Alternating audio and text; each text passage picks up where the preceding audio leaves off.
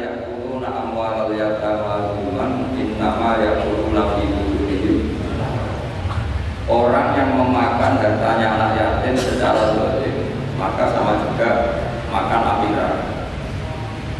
Sekarang Anda berdalih, Wong saya tidak makan, enggak sabtu. Saya nyuri. Berarti kalau ini sepeda motornya anak yatim nggak apa-apa kan nggak dimakan. Itu syarat itu. Maka cara maknanya gini, orang yang memakan harta anak yatim dalam burung gajah merusak, gajah merugikan. Sehingga kata yang dulu amal yatama adalah ibaratun an akolil ifsad. Makan itu kan sebanyak-banyaknya kan satu piring dua piring itu saja haram. Apalagi mengambil mobilnya mengambil tanah. Sehingga kata yakumuna diganti kata yusiduna yang merusak. Jadi itu namanya mafhum. Jadi mafhum itu, nah kadang mafhum itu awlawi awlawi itu lafat yang disebut dengan mafhumnya itu maknanya ekstrim mafhumnya. Misalnya ada ya kalau takul lagu maka jangan pernah berkata pada orang tua kamu dus atau kuf. Kamu nggak bisa bilang gitu. Yang diharamkan itu mengatakan bus. Kalau musuh kayaknya enggak. Tidak bisa seperti itu. Kalau kata bus, ah, kecewa. Ya, ufin itu dalam bahasa Arab kata terjadi saya merasa tidak nyaman dengan orang tua itu orang Arab bilang ufin atau ah, bus, bu, itu pokoknya enak. Kalau itu saja tidak boleh, maka bilang kakek aneh dan jodoh tidak boleh. Nah, kalau itu tidak boleh karena menyakitkan, ya misalnya orang tua itu nggak boleh karena menyakitkan, membiarkan orang tua sampai utang-utang bongo sampai pinjam-pinjam itu juga menyakitkan. Jadi kalau menyakitkan misal itu karena kata-kata, menyakitkan ekonomi itu secara kejiwaan. Sehingga terus ulama mengatakan semua bentuk yang menerangkan orang tua maka hukumnya haram. Itu semuanya dimakruh, difahami dari kata falat atau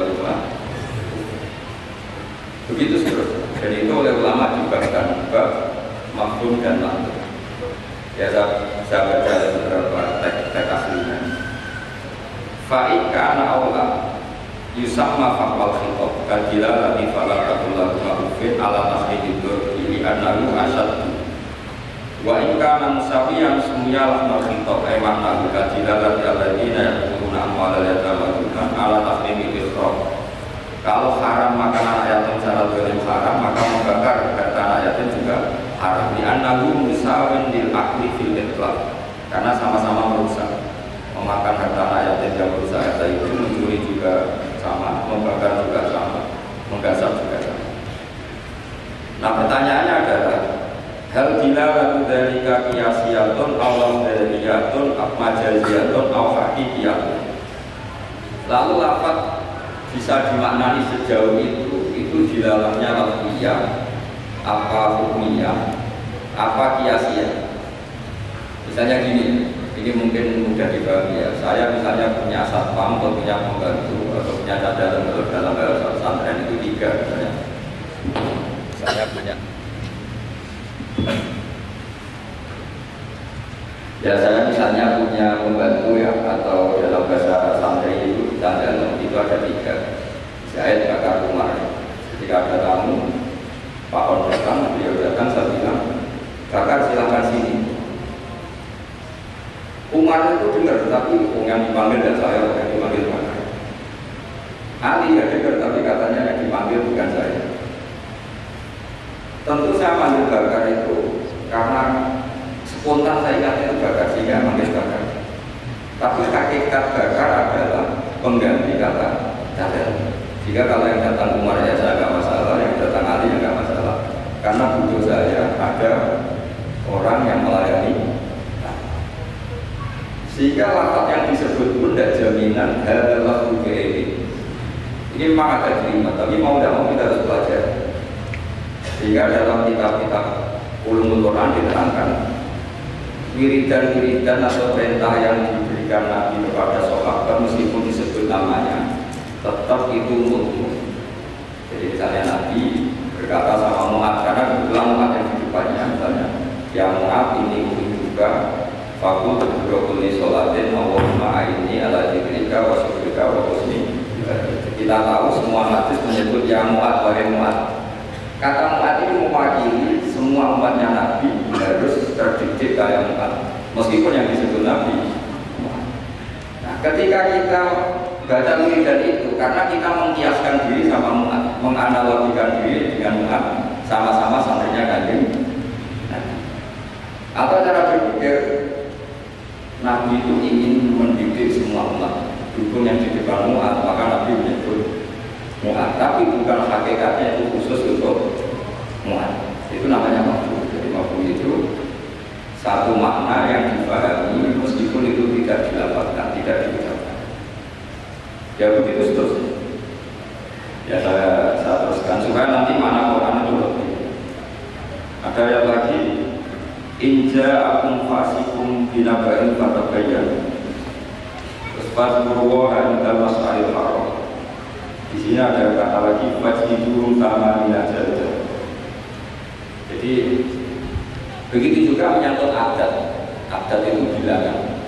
Ketika Al-Quran menyebut satu bilangan Itu apakah Mubalah Mubalah itu Dua itu diekstrimkan Atau punya makna sesuai bilangan itu Misalnya begini, sampai kalau mandal sama seseorang, kalau dalam bahasa Jawa itu, meskipun kamu minta maaf, saya seribu kali tidak akan saya maafkan. Ternyata orang itu tidak bersekali, ya sudah nanti saya minta maaf seribu satu kali, tak susui satu. Itu kamu mantul, kan? Mesti kamu mantul, karena kamu menyebut seribu kali itu sangat mantulnya bahwa saya maafkan kamu itu mokal, meskipun anda minta maaf seribu kali. Tapi tetap jatuh, ya sudah saya tambah seribu satu.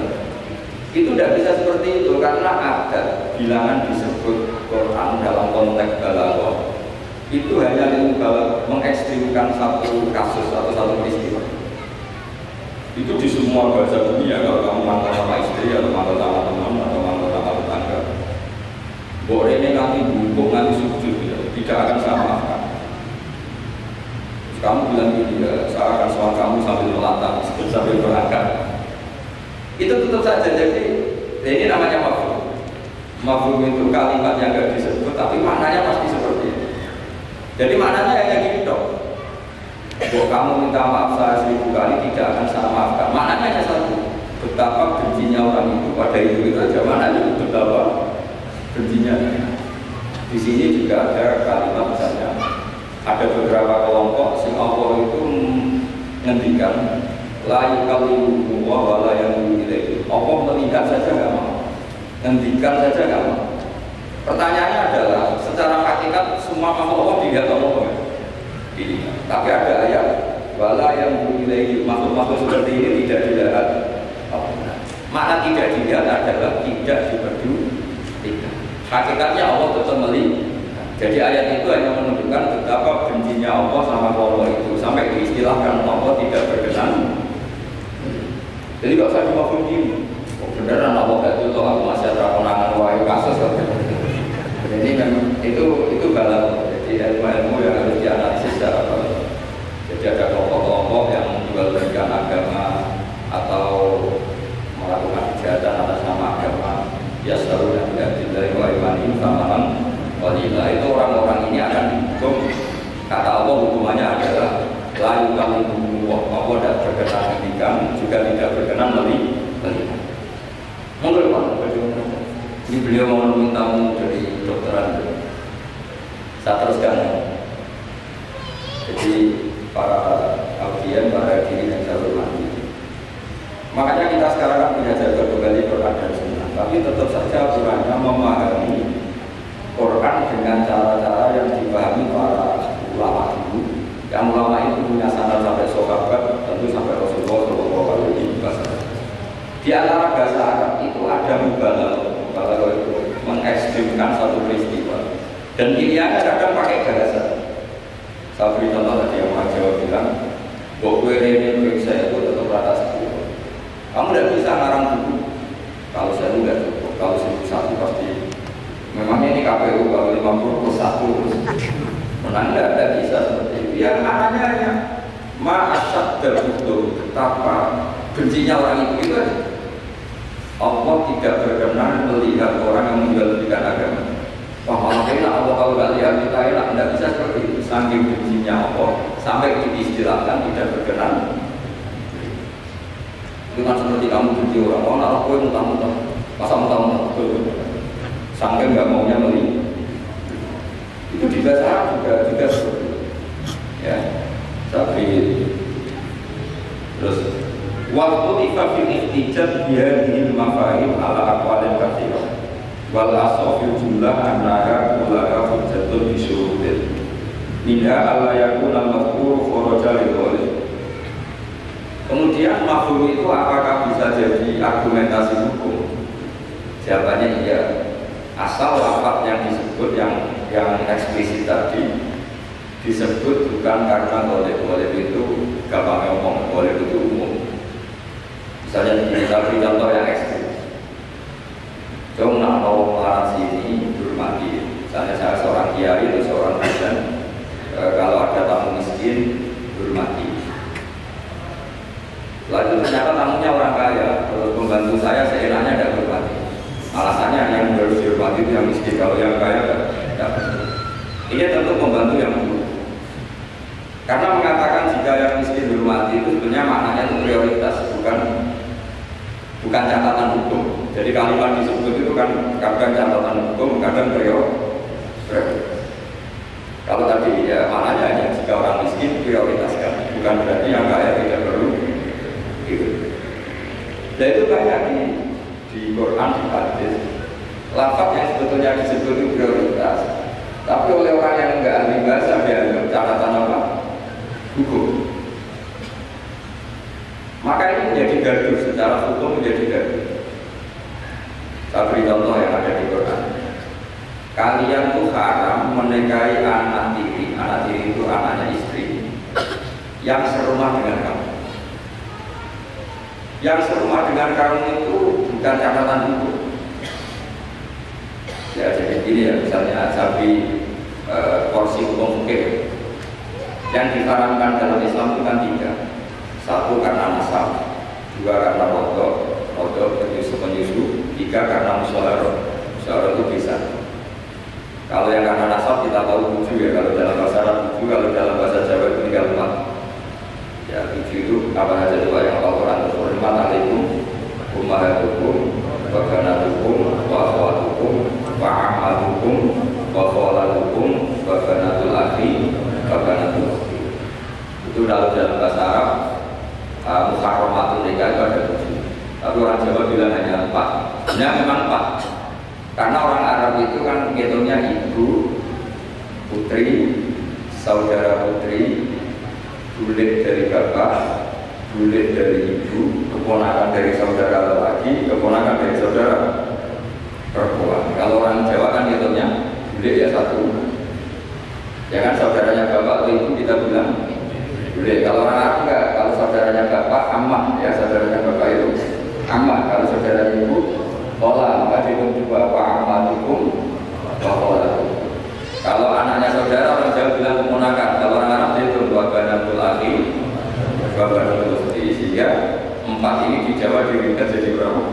Dua Yaitu haram menikahi kulit dan haram menikahi keponakan Jelas Kemudian yang kedua haram karena Allah. Jika kamu khusus sama Sri misalnya otomatis anaknya Sri saudara Rodo dan ibu yang kamu susui otomatis ibu Rodo suaminya Sri bapak Rodo itu karena terus ketiga karena musola. Jadi dengerin supaya jadi ahli itu jadi masa Universitas Islam Indonesia tidak tahu mukarromat itu kamu jangan ikut bahasa-bahasanya artis-artis gaul di Jakarta di Jakarta itu kalau orang sudah nikah malah namanya muslim. Itu sebenarnya salah bahasa. Justru yang bisa dinikah itu harus dia orang lain. Kalau mahram malah nggak boleh dinikah karena maknanya mahram itu orang yang haram dinikahi. Jadi justru istri itu bahasa pakainya asnabi orang lain ya, Buktinya boleh dinikahi kalau mahram itu orangnya haram dinikahi. Tapi ya sudah bahasa kalau gitu ya, ya itu saja ya. Goblok-goblok, nanti tidak usah ikut Karena itu masalah, karena itu salah sebetulnya. Makanya istri itu repot, di itu repot. pakai itu kalau bahasakan istri itu asnabi orang lain. Kalau anak itu anak, kalau istri itu tetap bahasanya asnabi orang. Jika sekali dicerai ya benar-benar menjadi orang lain. Kalau kita mati ya benar-benar menjadi orang lain. Artinya boleh dinikah. Jika kalau dalam pepatah Jawa ini ajarannya bapak saya, kamu dari situ. Kalau ajaran bapak saya, nah lucu ke anak sekarang itu bilang, berkorang mantan anak tapi sama mantan. Sehingga tradisi keluarga saya itu pokoknya anak itu nomor satu, baru istri. Tidak tahu ada tradisi sampai istri. Karena tadi cara berpikir anak itu selalu anak. Ya anak itu selalu anak. Tapi kalau istri tidak mesti. Kalau istri sampai cantik sampai mati itu. Ya sudah selesai. Ini ke orang lain. Gak tahu nanti kalau disuruh itu siapa ada tahu. Apa pun deh sih kalau kamu masuk neraka dia ikut masuk.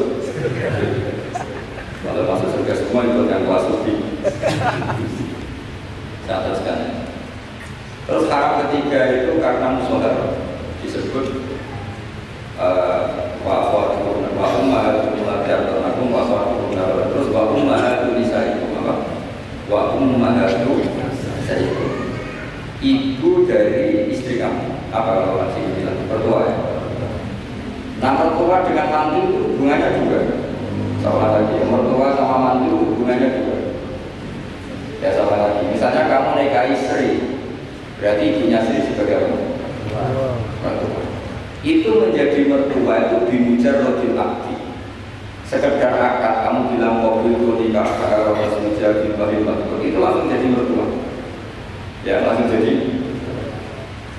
Tapi kalau hubungan ibu dengan anak misalnya kamu nikahi janda punya anak cantik sudah perawan terus setelah kamu nikah dengan janda ini akad itu belum menjadi anak tiri. Menjadi anak tiri betul setelah kamu hubungan suami istri dengan ibu. Sama lagi ya jadi kalau menjadi mertua itu cukup akad tapi anak tiri menjadi anak tiri kamu yang haram dinikah itu nunggu hubungan suami istri sama ibu sebab itu agak rumit memang gitu. Kenapa demikian? Karena ya memang aturannya gitu, makanya disebut waruba ibu kumulati fi hujurikum min nisa ibu mulati kafaltum di fa'ilam takunu kafaltum bina fa'ala junaha jadi kalau hubungan akad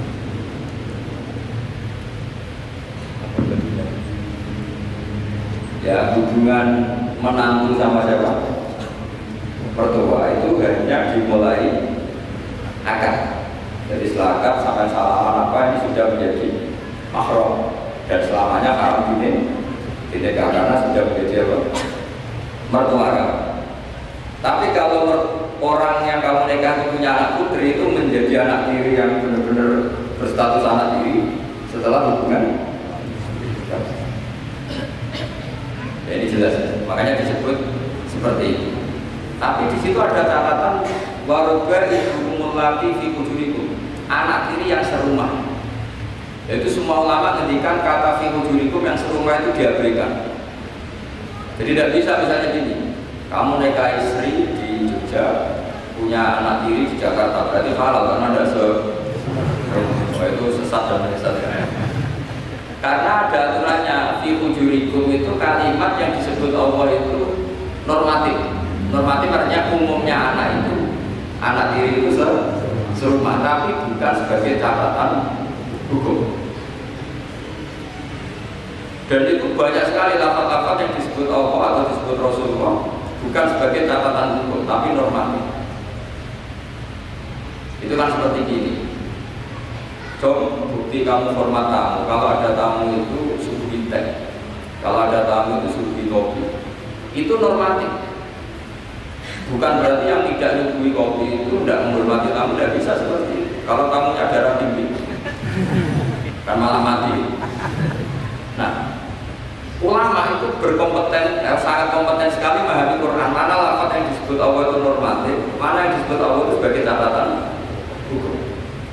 Kalau fi menjadi catatan hukum, maka maknanya begini. Haram menaikai anak diri yang serumah. Baroba ibu kumulati fi wujurikum. Maksudnya kalau tidak serumah, boleh boleh kacau. Ibunya kamu buat, anaknya kamu buat, hanya karena tidak itu sesat dan nyesat. Makanya bahaya sekali nafsirkan Quran tanpa ilmu. Maka ada zaman manfaat salat Quran biro ini, tak bawa apakah ada Nah, orang menafsirkan Quran dengan semaunya sendiri, maka sama juga pesan satu sama saya itu potensi masuk neraka saya, karena saya punya tafsir. Itu bahaya. Sebab itu saya tradisikan kalau ngaji pakai kitab supaya syaratnya mutasil sampai Rasulullah SAW. Gak boleh mengajarkan Quran lebih menurut saya. Memangnya agama menurut kamu enak Gak boleh agama kok menurut saya agama yang menurut Allah dan Rasul. Gak boleh Kalau menurut saya berarti agama setiap orang menurut masing Ya saya teruskan. Jadi di antara dengan tanda kutip jebakan-jebakan lafaz adalah kita tidak pernah tahu lafaz itu disebut karena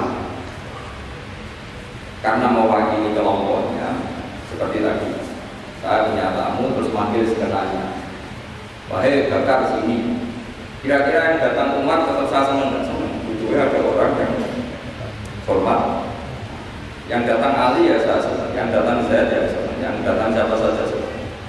Itu kan ibarat kamu orang kaya kemalingan. Satpam yang paling kamu ingat itu misalnya Utomo. Utomo sini. Di situ banyak satpam yang namanya gak Utomo, terus gak ke kamu. Kira-kira kamu bilang satpam itu berkira-kira dengan dalil usaha ada di pabrik karena makna menyebut kalimat tadi sekenanya nyebut Utomo itu mewakili semua security. Cuma kebetulan yang kamu ingat itu mana gak jadi betul-betul Quran. Tapi masuk akal semuanya sudah dijelaskan masuk akal. Ketika yang datang siapa saja kamu tetap matur nuwun. Karena ada yang menolong. Nah lafaz Quran ya seperti itu. Kadang lafaz itu pengganti sejenis atau pengganti. Misalnya yang masyur dalam mazhab kita, Rasulullah itu mengeluarkan zakat fitrah soan min tamrin atau soan min akidin. Rasulullah mengeluarkan zakat fitrah dari kurma. Imam Syafi'i tidak maknani kurma tapi dimaknani kuti ahli baladi makanan pokok yang sesuai negara masing. Jika kalau orang Jawa ya pakai jam. Meskipun di hadis disebutkan tamat. Sama seperti Nabi ngendikan diri, tasod dahu walau bisiki tamrotin sedekahlah meskipun dengan separuh kurma. Kira-kira orang miskin Indonesia kamu kasih separuh kurma, dan kepunya apa enggak? ya maksudnya separuh kurma itu kalau kita ya mungkin setengah kilo atau telur setengah kilo. Atau kata separuh secuil itu maknanya mungkin ayasiro. Saking sedikitnya disilahkan secuil, tapi bukan berarti cemilan Betul. Nah kalau ingin persis satu tadi ya satu kurma kamu terus kamu kasihkan. Kira-kira, kira-kira jaga minyak apa jaga sodako? Nah sama misalnya Rasulullah meninggal. Semoga Allah memberi berkah orang yang menikah sebelum Muharram menusak anak yatim. Itu yang penting musaknya apa sodako? Terus kamu orang yatim kamu kumpulkan kamu musak semua.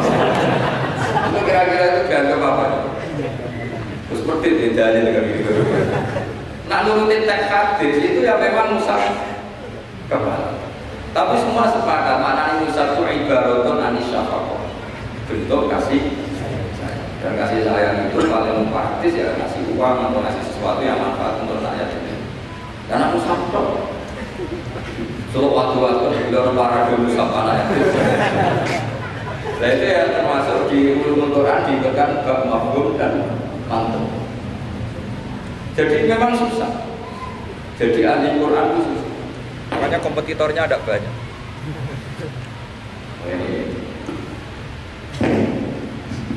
Ya jadi menjadi ahli Quran itu harus ya harus seperti ini ya. Makanya sampai ditulis kitab seperti ini, ini dipakai di seluruh dunia termasuk di Al Azhar, di Palestina, di mana-mana. Itu.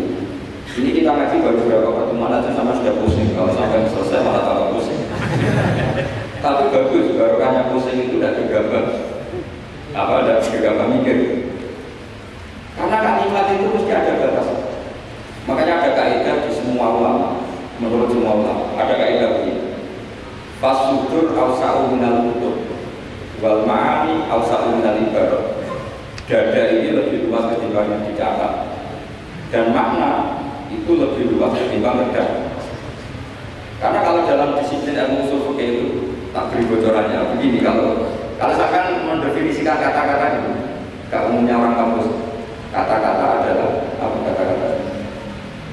Kalau dalam ilmu usul begini, kata-kata adalah pilihan untuk mengekspresikan kehendak hati. Dan karena kehendak hati itu banyak dan tidak terukur, maka kata-kata ini hanya mewakili sebagian. Dari awal sudah disebut mewakili sebagian. Misalnya begini, ketika Rasulullah mewajibkan zakat pagi misalnya atau zakat apa itu gandum, pikirannya Imam Syafi'i itu mewakili kata itu yang wajib zakat itu makanan oh.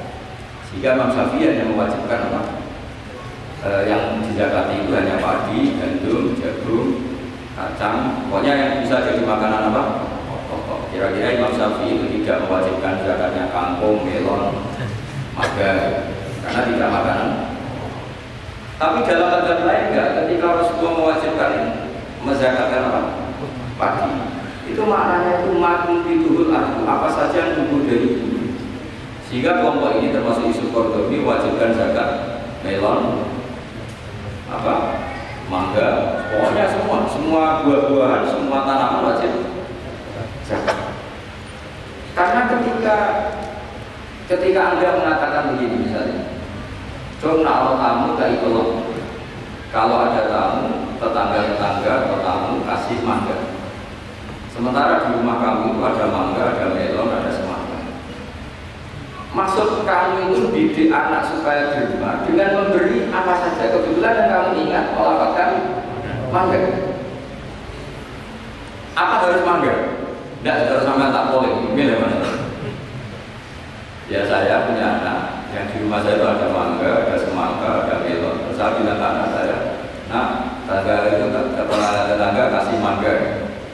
Kata mangga itu bisa diganti melon apa enggak?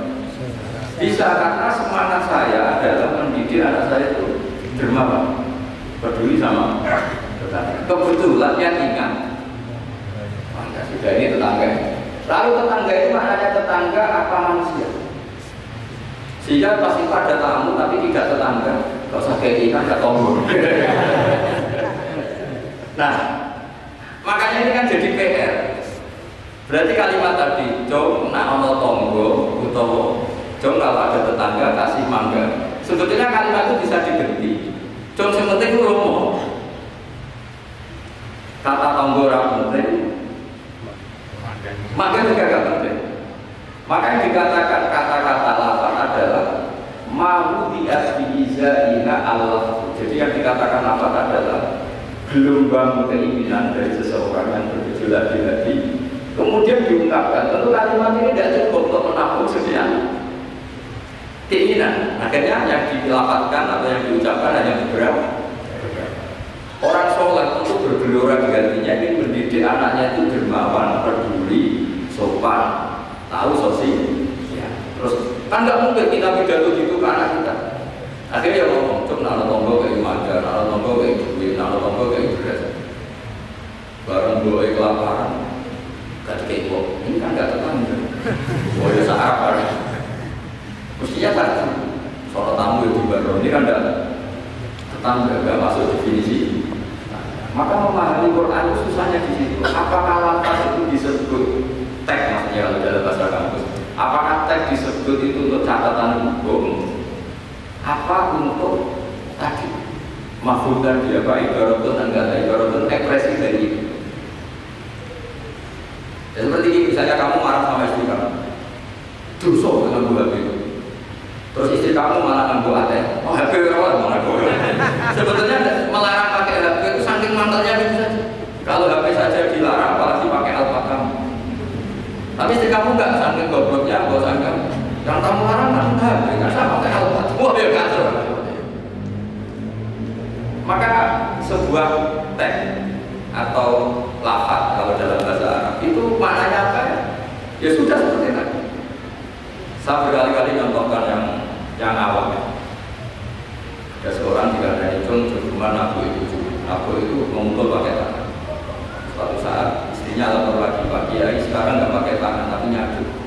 Ketika saat nyadu kemarin, kenapa kamu masih nyadu istri kamu? Kan Pak Kiai larangannya apa? Kan tangan ini pakai. Kan. Ya itu kan keliru sekali karena maknanya jangan nabok itu pengganti dari kata jangan menyakiti menyakiti maka dari yang haram nyabuk ya haram meneratakan juga tapi lisan kan gak mungkin bisa mengungkap sekaligus apa yang kita ingin. Akhirnya lisan melakukan sesuatu yang hanya mewakili sekian. Makanya disebut fal ma'ani ausa'u minal ibarat. Makna itu lebih luas ketimbang tidak. Coba misalnya zaman Jenderal Sudirman, angkat senjata untuk Mesir Belanda. Terus pasukannya yang angkat kok.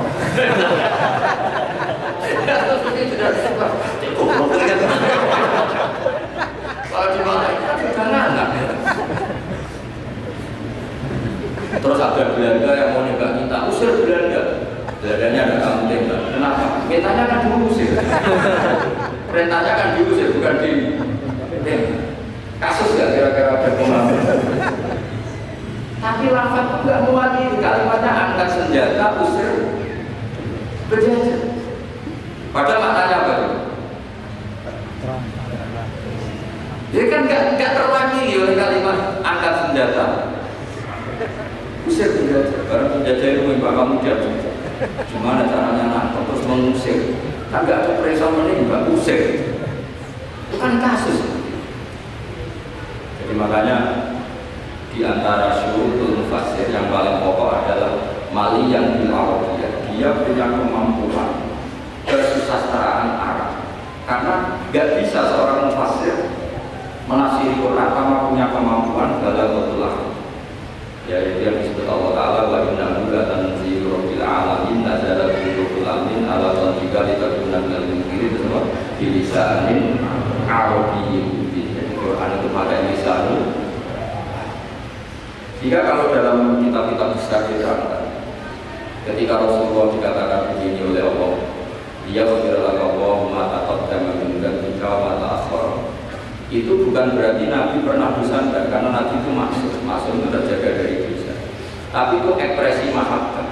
Seolah lagi itu ekspresi misalnya saya senang sama seseorang.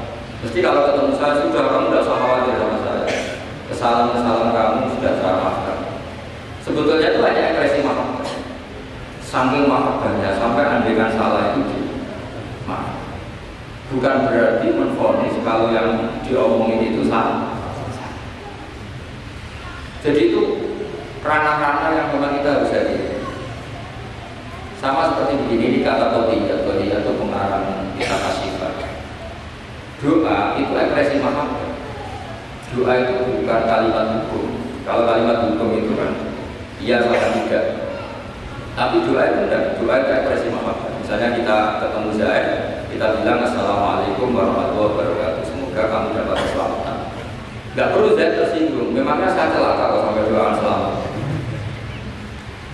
Kalau nuruti mafhum, didoain selamat itu kan berarti sebelumnya tidak selamat, didoain pinter sebelumnya tidak pinter, didoain kaya sebelumnya miskin. Tapi itu kata hukum, itu pemahaman secara hukum. Ya dan tidak. Kalau pemahaman secara peradaban tidak gitu. Orang mendoakan bukti. Senang ya sudah seperti itu. Ya semoga kamu sukses. Ketemu direktur ya bilang semoga kamu sukses. Terus kita tersinggung. Ya sukses saya bang kamu sukses seperti itu. Mendoakan seperti itu itu bukti. Mahabbah bukti senang. Nah, Allah karena saking senangnya kepada nabinya Allah.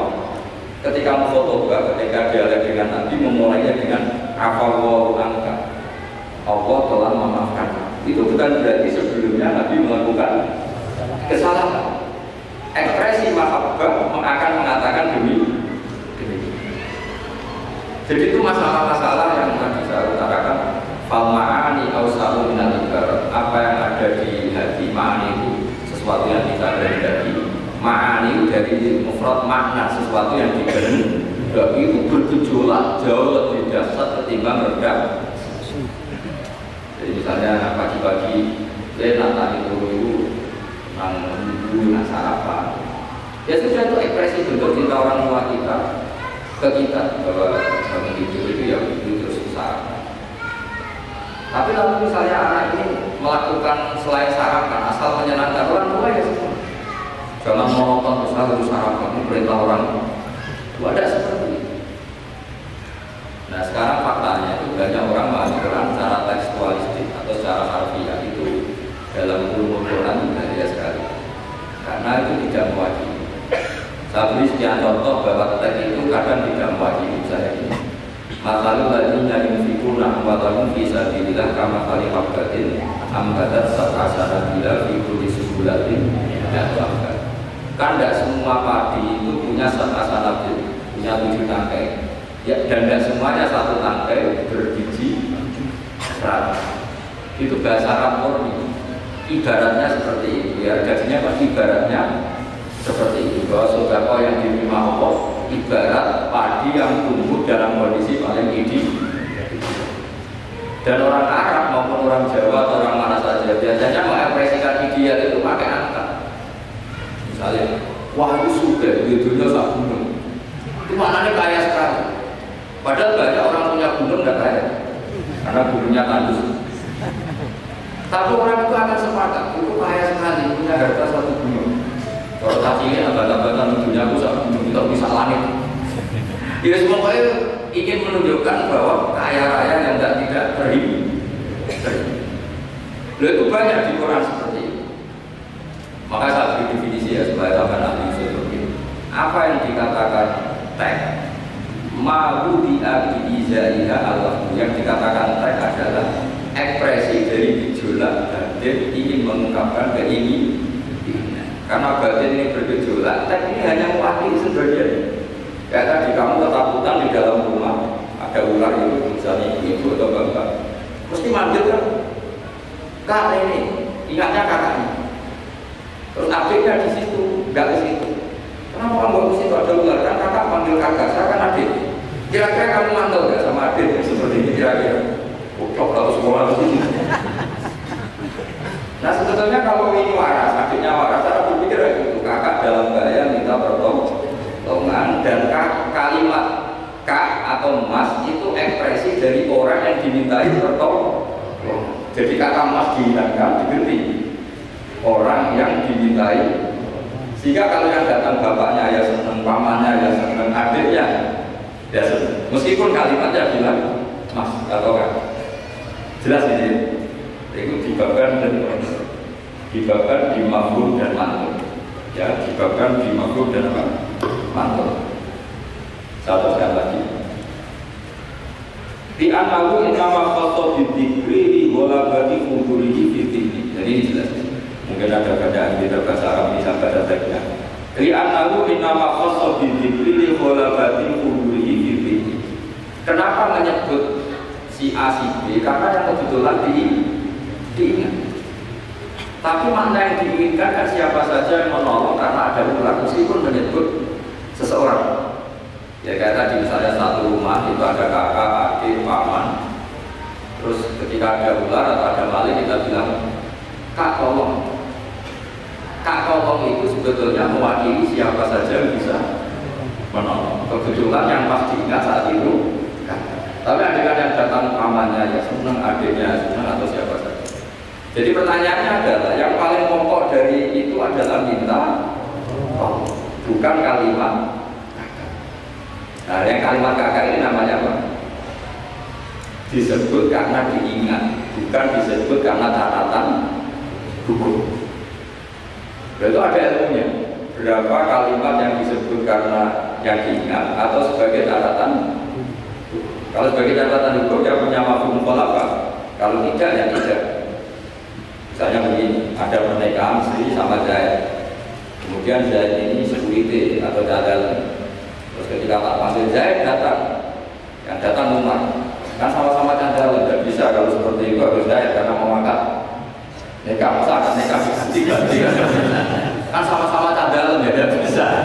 Lama-lama sampai juga sama-sama manusia ya tidak bisa kalau itu. Makanya lafaz disebut itu dilihat disebutnya sebagai catatan hukum apa sebagai tadi yang sedang di, di ya, jadi jelas ya, jadi itu ada aturan-aturan. Li'annahu innama khassa bi dzikri li huwa Terus kedua catatan lagi wa alla yakuna. Ya, di antara catatan hukum lagi sesuatu itu tidak lazim sebagai fakta. Kalau lagi sesuatu itu tidak lazim sebagai fakta. Misalnya begini, kita tahu yang namanya nasi itu makanan pokok. Ya, kita tahu tadi itu minuman. Ketika saya bilang, Cung saya ambilkan teh itu apakah maknanya itu teh, apa maknanya itu minuman. Beda dengan mengatakan satu gelas ini bernama teh, kebetulan itu teh itu, itu namanya mengatakan sesuatu sesuai hakikat. Karena teh yang dikatakan, tapi kalau mengatakan tamu saya ambilkan teh, ini pertanyaannya adalah teh itu menggantikan kata minuman, apa memang harus? Jadi itu memang seperti itu. Sehingga di, di hadis banyak gawe nabi itu diganti. Tapi penggantinya harus ulama. Kalau tidak ulama namanya beda. Misalnya nabi mengajari ini, anak-anak kamu ajarin panah. Dulu alat perang itu ya panah. Terus di era modern kamu tetap pakai panah, maksudnya pakai bed. Karena nabi dahulunya panah. Ya tak kalau mau jadi seperti ya kan seperti karena Nabi ketika mengatakan panah adalah ibaratun an alatil harbi implementasi dari alat perang yang zaman itu. Kan itu kan sama seperti Nabi ajari anak kamu berkuda dulu alat perang transportasinya itu alatnya itu. Sekarang musuh pakai pesawat tempur kamu pakai. Ya tentu itu nggak relevan. Nah kalau gitu berarti ini di Quran itu jelas ada kalimat ini. Walsoi lawal minggu lawal mahmud dari kata dua berzina. E, kamu saat nikmat ada kuda, ada unta, ada macam-macam. Terus di antara ayat misalnya kita tahu ala duri semata ni'mat rabbikum kita tahu itu alaihi wa taqulu subhanalladzi sakhkhara lana hadza wa ma kunna lahu muqrinin wa inna ila rabbina Saya bikin unta, saya bikin kuda, saya bikin khimar, saya bikin bidon supaya kalau kamu sudah tenang di atas punggungnya kamu berdoa subhanallah di lana terus kamu karena tekstualistik kalau naik Innova gak baca doa itu naik pesawat ini kan tidak mudah. Kira-kira dibilang saraf juga kamu bilang oh ayatnya tentang muda ini Innova tapi cara pahami kita tidak seperti itu. Kata kuda di situ adalah alat markab alat berkendara Kata unta di situ adalah alat bergaya. Maka semua transportasi atau alat transportasi kita kalau naik dia tetap berdoa Subhanalladzi sahharana. Dan itu terus ya jadi e, ngaji pertemuan ini ketika kaidahnya apa? Falahani awsahu minal ibarat wa sudur awsahu minal kutub. Itu semua semua ulama pasti bilang seperti kalau sama belum pernah bilang dari belum ulama, makanya ini dimulai sekarang. Untuk jadi ulama, saya pakai apa? Fal ma'ani awsa'u minal ibarat wa sudur awsa'u minal kutub. Itu nanti kalau sama sudah pintar itu, pintar betul. Bukan pintar-pintar atau pintar pintar betul. Karena memang seperti itu. Sehingga misalnya Rasulullah dulu, Tofa Rasulullah Rasulullah Nabi tawaf secara berken Saat itu tentu naik pun sekarang orang-orang sepuh pakai kursi. Jangan terus bilang dulu Nabi naik unta, maka orang sepuh nggak boleh pakai kursi roda, harus pakai unta. Ya, dia tahu polisi Arab mana Jadi karena dulu Nabi sudah berumur dan beliau tidak suka memaksakan dan itu menunjukkan kalau tawaf secara berkendara itu sah boleh terus beliau naik unta sambil apa? Akhirnya kesimpulan hukumnya apa? boleh berkendara saat sudah untanya dibuat maksudnya harus pakai untanya Lama-lama nanti nggak boleh tuh sekarang. Dulu Nabi itu langsung lama ini sudah keramik nggak boleh. Ya repot kalau kamu perdebatkan begitu terus ya repot. Ya, ya karena tadi ketika Nabi naik unta itu semangatnya Nabi adalah mempermudah umatnya terutama bagi yang itu tua. Semangat yang ingin dimaklumatkan Nabi itu, itu. Wahai umatku, kalau kamu sudah tua jangan memaksakan jalan, berkendara atau cari alat yang menjadikan kamu mu. Nah itu tentu tidak tersampaikan semuanya dengan redaksi. Tapi dadanya Nabi bergejolak ingin mengimplementasikan bahwa agama ini yaitu wa birumul yusra wala yaitu itu tentu gejolak ini kan nggak terwakili oleh lafaz. Seperti kamu bilang istri kamu di saat cinta kamu karena kamu cantik itu bukti senang saja. Nah bujurnya cerdas. Berarti kalau saya senang. Wah ya repot Padahal kalimat itu maknanya kan gitu. Saya senang kamu karena kamu cantik. Maksudnya kalau tidak cantik, kalau tidak cantik ya Tapi tidak seperti itu. Pokoknya kamu itu ingin gombal ngomong itu. Jadi makanya apa saya juga ingat-ingat ya Pak. Fasudur, ausahunan bahwa dada kita ini lebih luas ketimbang yang kita tulis. Ya dada kita lebih luas ketimbang yang kita terus wal ma'ani awsalu minal makna yang kita kehendaki itu jauh lebih luas ketimbang redaksi. Karena tadi kita manggil security misalnya si A. Yang datang selain si A juga nggak masalah. Karena kata si A tadi hanya keterbatasan kita sebagai manusia. Sehingga harus menyebut satu orang. Padahal siapa saja nggak nggak masalah. Karena butuhnya kita ada yang menolong atau ada yang membantu. Ya satu lagi yang pokok Fama'ani Ausa'u minal ibarat Wasudur Ausa'u minal Assalamualaikum warahmatullahi wabarakatuh.